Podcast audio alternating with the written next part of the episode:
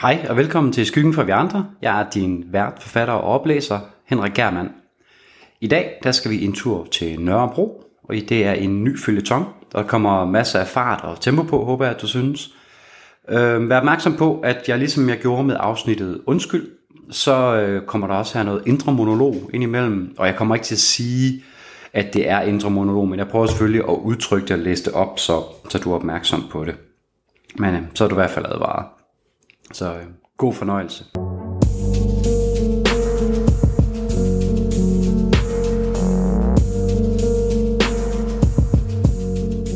Sæson 2, afsnit 5.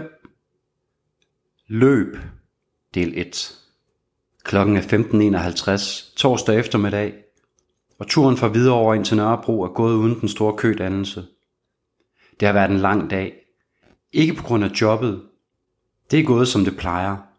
Men det vil aldrig være specielt tilfredsstillende at ordne biler for ham, når uddannelsen som civilingeniør fra Universitetet i Damaskus kun er 14 år gammel. Men han nåede aldrig at arbejde som ingeniør før borgerkrigen, og her i Danmark er den åbenbart intet værd. Men han er glad for jobbet hos Amir, og det er langt bedre end at køre taxa, selvom det nok ville give lidt flere penge. Men her får han i det mindste mulighed for at rode med teknik og mekanik. Stemningen på værkstedet har ellers været dårlig siden jul, men endelig er de begyndt at komme videre over tabet af deres kollega. Massis selv var rigtig glad for Martin, der altid var hårdt arbejdende og i godt humør, altid klar på at hjælpe. Men foråret er kommet til Danmark, solen skinner, og selv chefen Amir var glad i dag. Men Vasis var for spændt til at glæde sig over det. For ham kan han først igen trække vejret om en times tid, når det her er overstået. Så vil han åbne en flaske cognac og ryge en joint, og måske tage Mathilde på Sahida bagefter. Sidde et par timer og bare snakke med god pakistansk mad og masser af øjenkontakt. Finde tilbage til der, hvor de var for bare et par måneder siden, før jul. Før alt det, der har fyldt ham til bristepunktet. Det var det rigtige at gøre. Det eneste at gøre. Han er heldig, og en ledig parkeringsplads åbenbarer sig lige foran lejligheden. Han parkerer og låser sig ind, tager trappen i et par lange hop og stopper op. Det her virker forkert. Døren er ulåst og står åben på klem. Det er næppe godt. Selvom Mathilde kan være kommet tidligt hjem fra arbejde, vil hun ikke lade døren stå åben på den her måde. Det kan man måske gøre andre steder i Danmark, men ikke her. Ikke på Nørrebro. Han træder forsigtigt ind i lejligheden.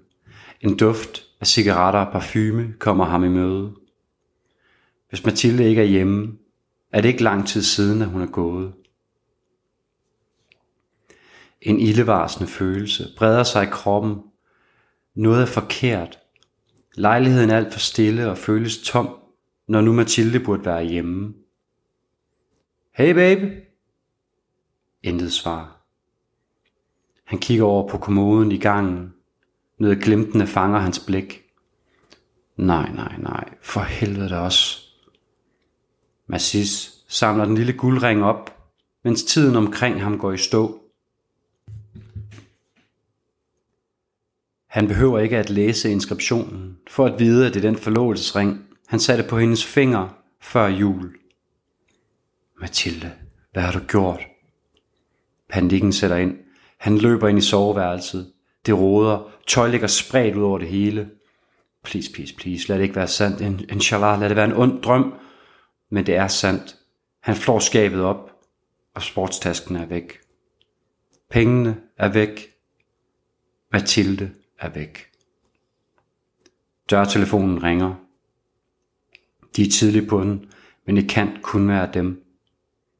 Han står mod i gangen og kigger på den lille skærm ved dørtelefonen. På gaden står tre personer og venter. De i deres veste viser, at de er her på official business, at folk på Nørrebro i dag skal se den anden vej.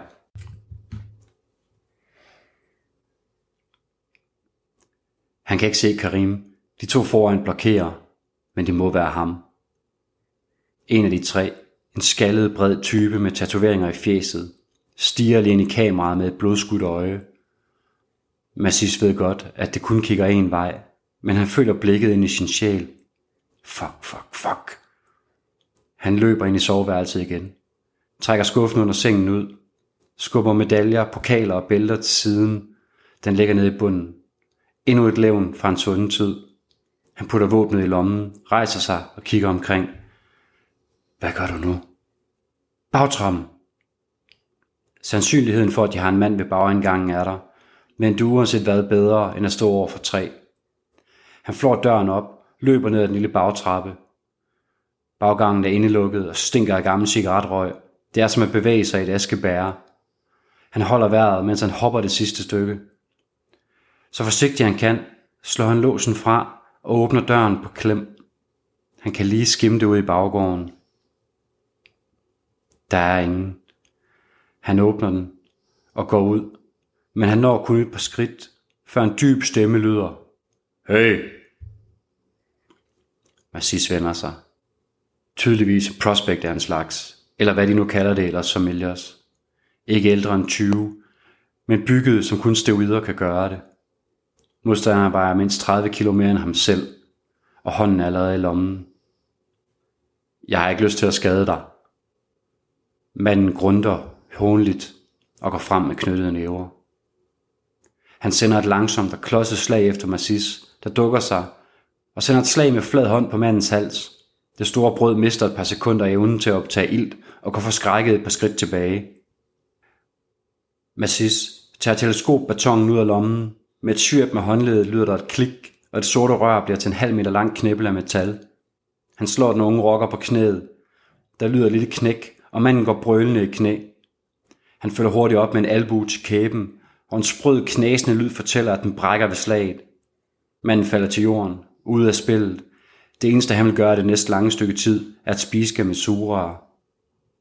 Han kan høre råb om fra gaden, og han spurter gennem baggården, hopper over hækken og ud på Nørrebro. Hvilken vej? Stop ham! Der er ikke tid til at tænke. Han bør tage op mod Nørrebrogade. På den her tid vil der være masser af mennesker, steder at gemme sig, indtil han kan få tænkt det her klosterfolk igennem, og få ringet og advaret Mira, inden de også kommer efter hende. De kommer rundt om hjørnet. Karim og to muskelbunder. Han får et kort glimt af Karims ansigt. Den tidligere ven er rødglødende af raseri.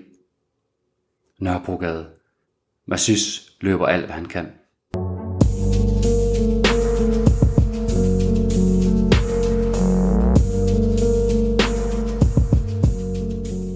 Håber, at det var en øh, lidt hæsblæsende og tempofyldt start på den her nye følgetong. Øh, som du godt kan mærke, så er det et meget kort afsnit, og det bliver de her afsnit med Massis og hans, øh, hans flugt fra, øh, fra Los Familias. De bliver meget korte, både for at holde på intensiteten, og også fordi, at der er nogen, der, har, der, der, der, der synes, det godt kan blive for meget at lytte til lang tid ad gangen, når der, der sker så meget, og det bliver så hektisk. For mig, der er det primært en øvelse i at skrive sådan action, fart og tempo, fordi det er klart, det er de steder, hvor jeg kan blive bedre til at skrive sådan mere dynamiske øh, kropsbevægelser og ting, der sker. Så, så det vil jeg rigtig gerne øve mig på. Øhm, omkring følgetommen, så er der planlagt fem kapitler i alt. Det her det er det første. Så det bliver jo ikke nogen lang historie, men det bliver de her fem sådan korte afsnit, hvor der virkelig kommer, kommer knald på. For faste lyttere og eller læsere, så vil I måske opdage, at der her er en lille kobling og en lille bitte hint til noget i min øh, debutroman. Og øh, det vil jeg ikke sige mere om, fordi det kan spoile noget. Men vi vender tilbage til øh, Massis og hans flugt om et par uger. Og øh, der kommer et afsnit i mellemtiden, fordi næste gang der skal vi til, øh, ind til byen, hvor et ældre par synes, at deres overboer de har lige rigelig gang i den. Hej hej.